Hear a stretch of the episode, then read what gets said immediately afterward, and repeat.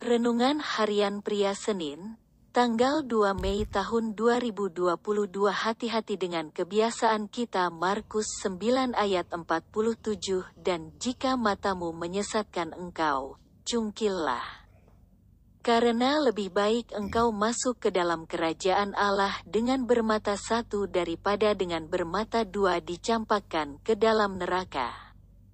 Untuk lebih memahami apa yang diajarkan oleh Yesus kepada murid-muridnya, adalah lebih baik kita membaca Markus 9 ayat 43,45 dan 47.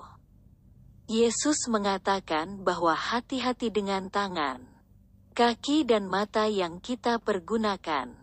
Jika tangan dan kakimu menyesatkan engkau, maka lebih baik potonglah tangan dan kakimu itu. Dan jika matamu menyesatkan engkau, maka lebih baik cungkillah matamu itu yang menyesatkan engkau.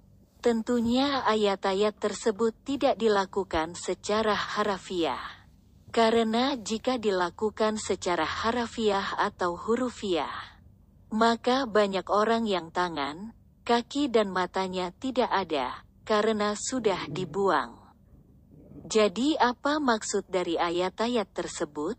Ayat-ayat tersebut dapat mempunyai arti mengenai penggunaan tangan, kaki dan mata kita setiap hari yang dapat menjadi kebiasaan-kebiasaan kita.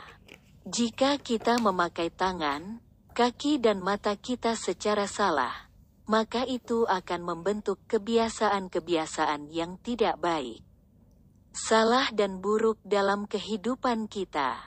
Dan kalau sudah terbentuk kebiasaan-kebiasaan buruk dalam kehidupan kita, maka itu akan membuat kita tidak akan maksimal. Bahkan kehidupan kita akan menderita karena akibat kebiasaan-kebiasaan buruk itu. Jadi potonglah dan cungkillah kebiasaan-kebiasaan buruk itu dari kehidupan kita. Dan pakailah tangan, kaki dan mata kita untuk membangun kebiasaan-kebiasaan yang benar yang memuliakan nama Tuhan. Refleksi diri, apa yang firman Tuhan katakan kepada Anda? Bagaimana kehidupan Anda dengan firman Tuhan itu? Catat komitmen Anda terhadap firman Tuhan itu.